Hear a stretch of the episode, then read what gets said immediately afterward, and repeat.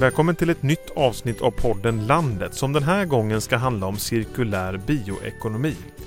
Du som har följt podden ett tag vet att detta är ett ämne som har avhandlats tidigare men nu är det dags att ta pulsen på hur omställningen i detta arbete går och om det nya stöd som man kan söka. Och det handlar om hur vi hushåller med planetens resurser på bästa sätt. Och i sammanhanget med cirkulär bioekonomi handlar det om att låta materialen från skogen, landet och havet cirkulera så länge det bara går. Vi ska få några exempel på det alldeles strax.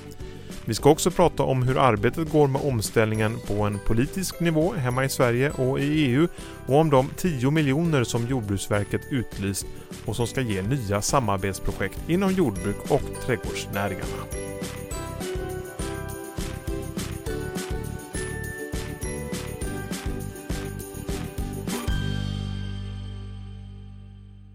Och jag har två gäster framför mig den här eh, gången. Först eh, så ska jag presentera dig, Camilla Lee Horst. Du jobbar på Näringsdepartementet. Du får berätta vad du jobbar med. Ja, jag arbetar med cirkulär, omställningen till cirkulär biobaserad ekonomi under näringsministern. Och Jenny Malm, Jordbruksverket, samma fråga till dig. Vad jobbar du med? Eh, jag arbetar med eh, utlysningar inom landsbygdsprogrammet eh, och sitter med en tematisk arbetsgrupp som Landsbygdsnätverket håller i kring bioekonomi. Välkomna hit båda två. Jag tänkte vi skulle börja med att konkretisera det här uttrycket cirkulär bioekonomi, vad det innebär. Vi börjar med dig Camilla, berätta. Ja, för mig handlar det om hur vi kan använda våra bioresurser på ett resurseffektivt sätt. vi ska vara smarta när vi använder bioråvarorna och tillverka produkter på ett sådant sätt så att de kan cirkulera länge i ett materialflöde.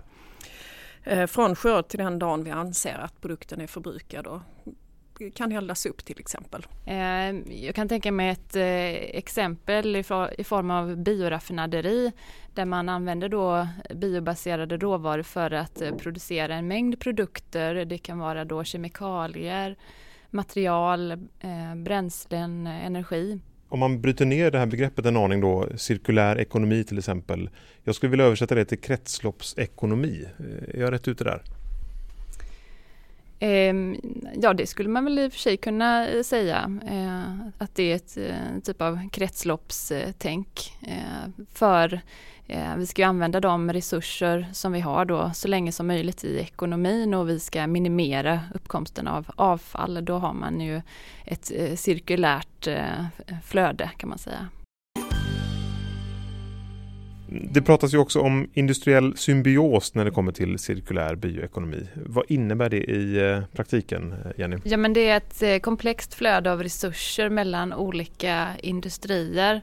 Så det kan vara så att restprodukter från en industri ingår som insatsvara i en annan industri som då i sin tur kanske får spillvatten och överskottsenergi som går till en tredje en, eh, industri.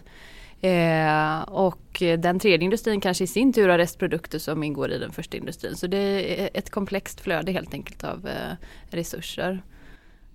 Och hur ska man eh, få det mindre komplext då? Nej men det kanske behöver vara lite komplext för att, eh, att använda de här eh, restprodukterna på, på olika sätt. Och, eh, man kanske inte kan förvänta sig att det är helt eh, enkla flöden heller. Mm. Eh, men utmaningen är ju att eh, hitta varandra då eh, och att man får de här samverkansmöjligheterna kring olika ja, restprodukter. Så det är väl det som är utmaningen, att man kan dirigera dem i rätt riktning till rätt industrier. Och hur lyckas man med den utmaningen idag tycker du?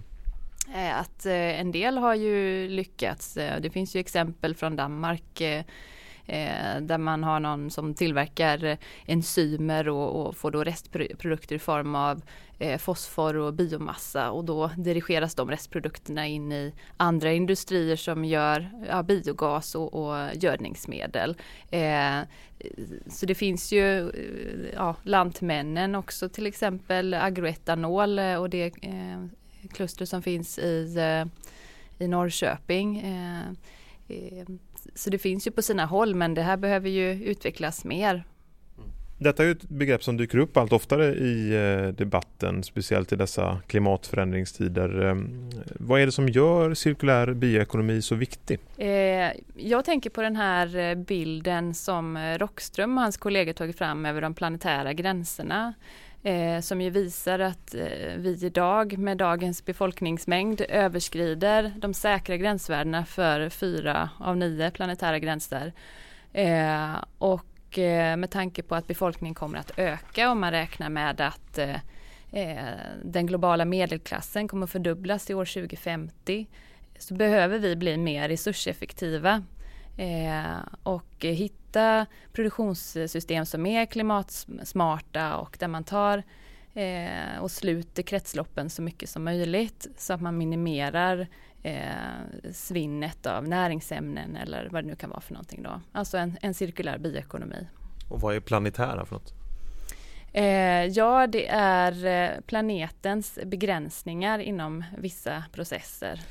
Nej, men det är ju eh, cirkulär biobaserad ekonomi är en jätteviktig del i eh, klimatomställningsarbetet. Det är inte allt men det är en viktig del.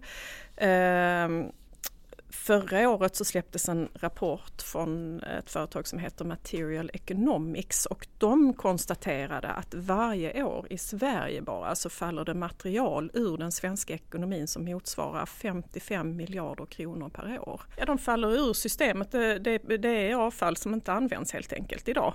Eh, där vi eh, genom Eh, där det ena företaget inte vet vad det andra företaget har för avfall helt enkelt. Och där företag A har ett avfall, där skulle kanske företag B kunna använda detta avfall. Eh, men man har inte den här kommunikationskanalen och här tänker jag att digitaliseringen skulle kunna hjälpa till jättemycket. Mm. Så det är flera delar här som hänger ihop helt enkelt för att för att komma framåt? Jag skulle säga att det är flera delar som inte hänger ihop som vi måste se till att arbeta för att de ska hänga ihop i framtiden för att få eh, ett smart samhälle, en smart industri, ett smart näringsliv. Och eh, hur tungt väger cirkulär bioekonomi för att vi ska nå de här klimatmålen som finns? Vad säger du Jenny? Jo men de väger ju väldigt tungt eftersom eh, vi behöver ju hitta alternativ till fossila råvaror eh, och eh, det är ju biodrivmedel men även biobaserade material. Sen som jag sa tidigare så kan det ju även ha bäring på andra målsättningar som vi har. Som det här med hållbara konsumtionsmönster och produktionsmönster. Den här omställningen vi, vi pratar om den görs ju inte över en natt. Eh, vem eller vilka är det som ska vara inblandade i det här arbetet? Ja, jag tänker politiken spelar ju en jätteviktig roll, det kan man inte sticka under stol med. Uh, hur politiken kon, uh, kommunicerar vikten av omställningsarbetet. Uh, det är ju det är ju politikerna som behöver staka ut inriktningen och du som jobbar då på näringsdepartementet, gör politiken det tillräckligt tycker du? Staka ut eh, inriktningen?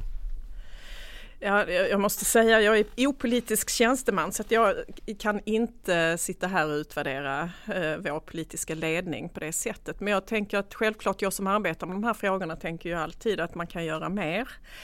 Eh, I förra mandatperioden så hade vi samverkansprogram. Ett av dem gällde just cirkulär biobaserad ekonomi och jag Eh, jag tycker att det gav den, det här samverkansprogrammet gav den viktiga effekten faktiskt att eh, politiken kändes närmre för många av aktörerna som satt med i samverkansgruppen men även andra.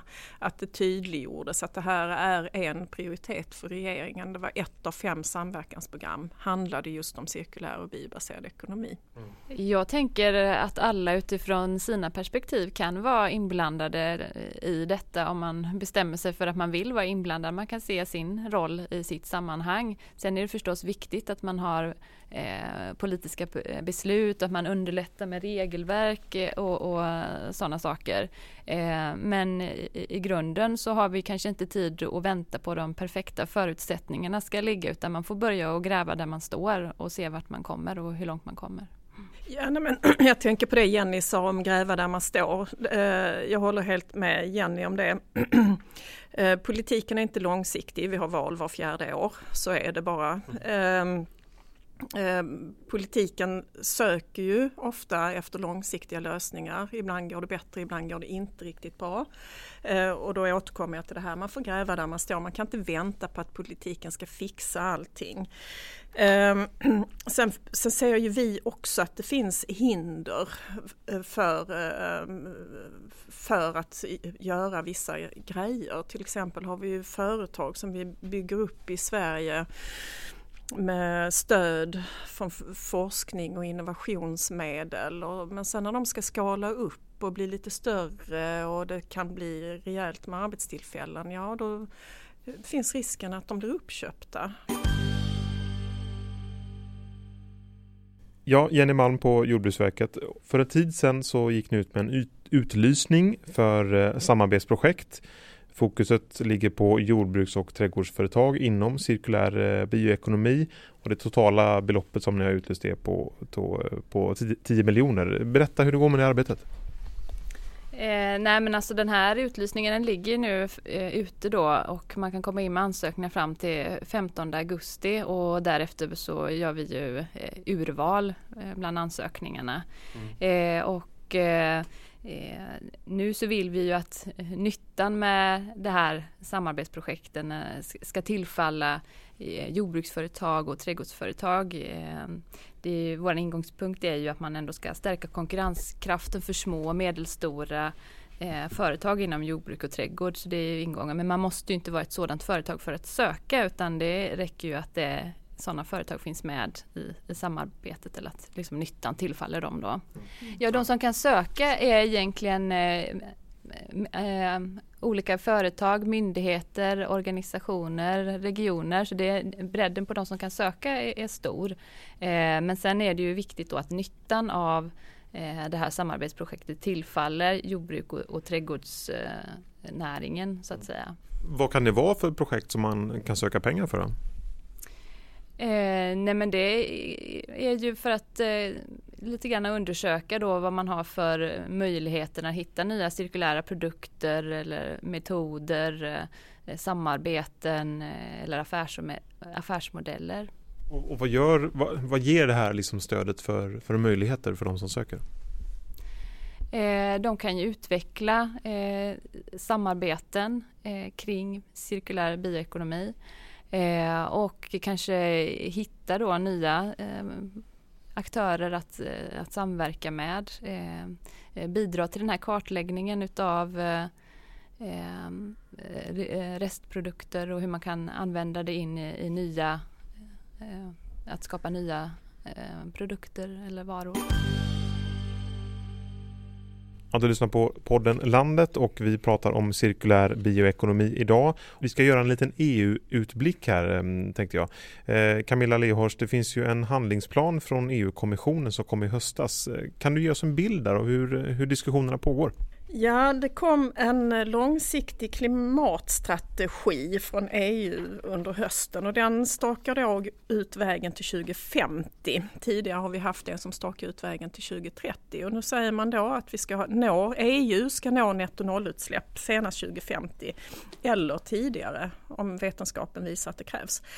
Och här är det så att regeringen delar ju kommissionens eh, bedömning eh, till fullo och vi eh, har ju också ett mål om netto nollutsläpp till 2050. Mm. För Sverige är det också viktigt att det här omställningsarbetet det måste börja nu. Vi kan inte vänta. Väntar vi blir det dyrare för företagen, dyrare för industrin att anpassa sig till omställningen. Hur, hur blir det dyrare menar du? Ja, mm, vi, vi, måste påbörja investeringarna nu. Det, det, här, I vissa fall handlar det om väldigt stora investeringar som måste göras i industrin. Mm. Uh, och göra dem 2049, det, det, blir lite dyrare än om vi börjar tänka nu på hur, hur bygger vi oss fram till detta. Och det handlar ju också om industrins konkurrenskraft, det är det de bygger det kan bygga sin framtida tillväxt konkurrenskraft på. Det är ju just att ställa om uh, till fossilfria verksamheter. Och sen i, i den här strategin så pekar man ju också på att man vill sprida bi, eh, cirkulär bioekonomi snabbt över Europa och uppmanar ju egentligen eh, länder att titta på då i EU hur man kan använda de regelverk och verktyg som redan finns för att stödja eh, och inte minst eh, den gemensamma jordbrukspolitiken CAP nämner man ju då man ska mm. använda sig av. Det finns ju många länder i EU eh, och eh, hur står sig Sverige i den här omställningen om man jämför med andra EU-länder? Vi eh, ligger väldigt bra till skulle jag säga. Dels så har vi ju en lång tradition av forskning och innovation inom området. Vi har ju jätteduktigt vi har flera jätteduktiga universitet, bland annat Sveriges lantbruksuniversitet som ligger trea i världen på det här området. Det är det ena och det andra är ju självklart att vi har ju en en fantastiskt god tillgång på bioråvara jämfört med många andra länder. Vår skog är ju, är ju grunden. Mm. Men jag tänker att vi också är väldigt bra på samarbete och samverkan eh, här i Sverige. Så att, eh, och vi har medvetna konsumenter som trycker på i rätt riktning. Och... Ja, nej, men absolut. Samverkan är ju en eh, väldigt viktig tradition. De andra EU-länderna, hänger de med då? Eh, det gör de i mångt och mycket och vi ligger inte först på, på alla områden här i Sverige men eh, absolut och sen är det ju klart en väldig spridning. Det är 28 länder vi pratar om, ja 27 snart. Bioekonomi är ju politikberoende eh, säger en del forskare i alla fall. Är det så att vi har politiska beslut på plats för att ta vara på den här möjligheten? Ja, det har vi och nej, det har vi inte i alla fall. Uh, Jenny nämnde innan uh, att vi måste gräva där vi står också och det håller jag med Jenny om. Uh, vi har de ramar och de villkor som vi har idag. Det finns hinder, de ser vi tjänstemän, de ser politikerna också.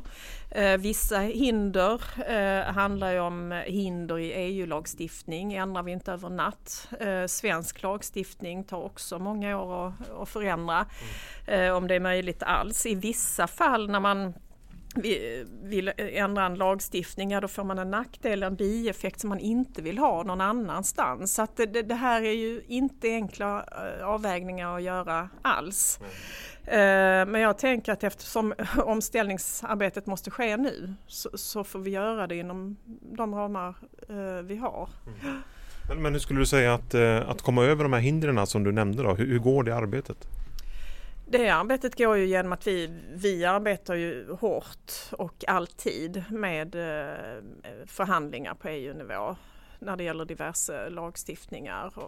Men det är många länder som ska komma överens och man hamnar ju i lägen där vi måste kompromissa. Så är det ju alltid. Sverige är ju ett rikt land med stora biomassaresurser inom jord och skogsbruk. Och vi har ju redan till viss del en biobaserad ekonomi. Men om man ser till vårt land Sverige då, vad talar för att vi kan bli ännu bättre där?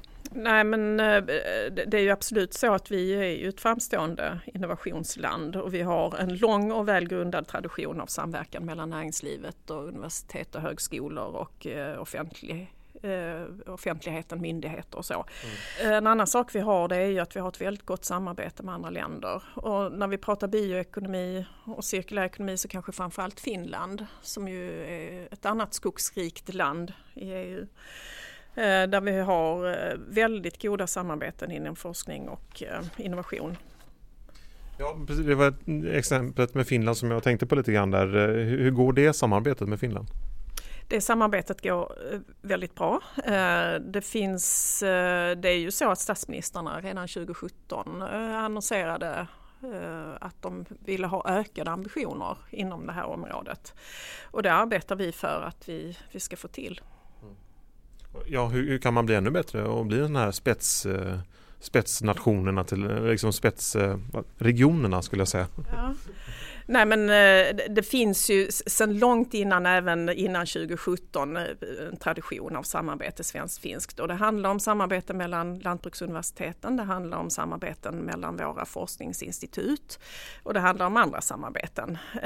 Och, men efter då att statsministrarna höll sin presskonferens där för ett par år sedan och så, så, så finns det förväntningar såklart på att att eh, staten ska, ska kunna gå in mer med dedikerade medel och så för det här samarbetet. Och eh, det, det, förstår jag. Mm. Och det, eh, samtidigt så har vi haft en regeringsbildning som vi alla vet och budgetar som mm, ja, ja. Har, den har skötts på ett annorlunda sätt den här gången mot vad vi är vana vid. Mm. Jag har en liten tanke här att eh, många som producerar eh, råvaran, skogsägare, det finns ju ute på landsbygderna i Sverige. Och eh, där man förstått att eh, det liksom är värdefullt och att det kan bli deras räddning då om det blir mer av eh, eh bio, cirkulär bioekonomi.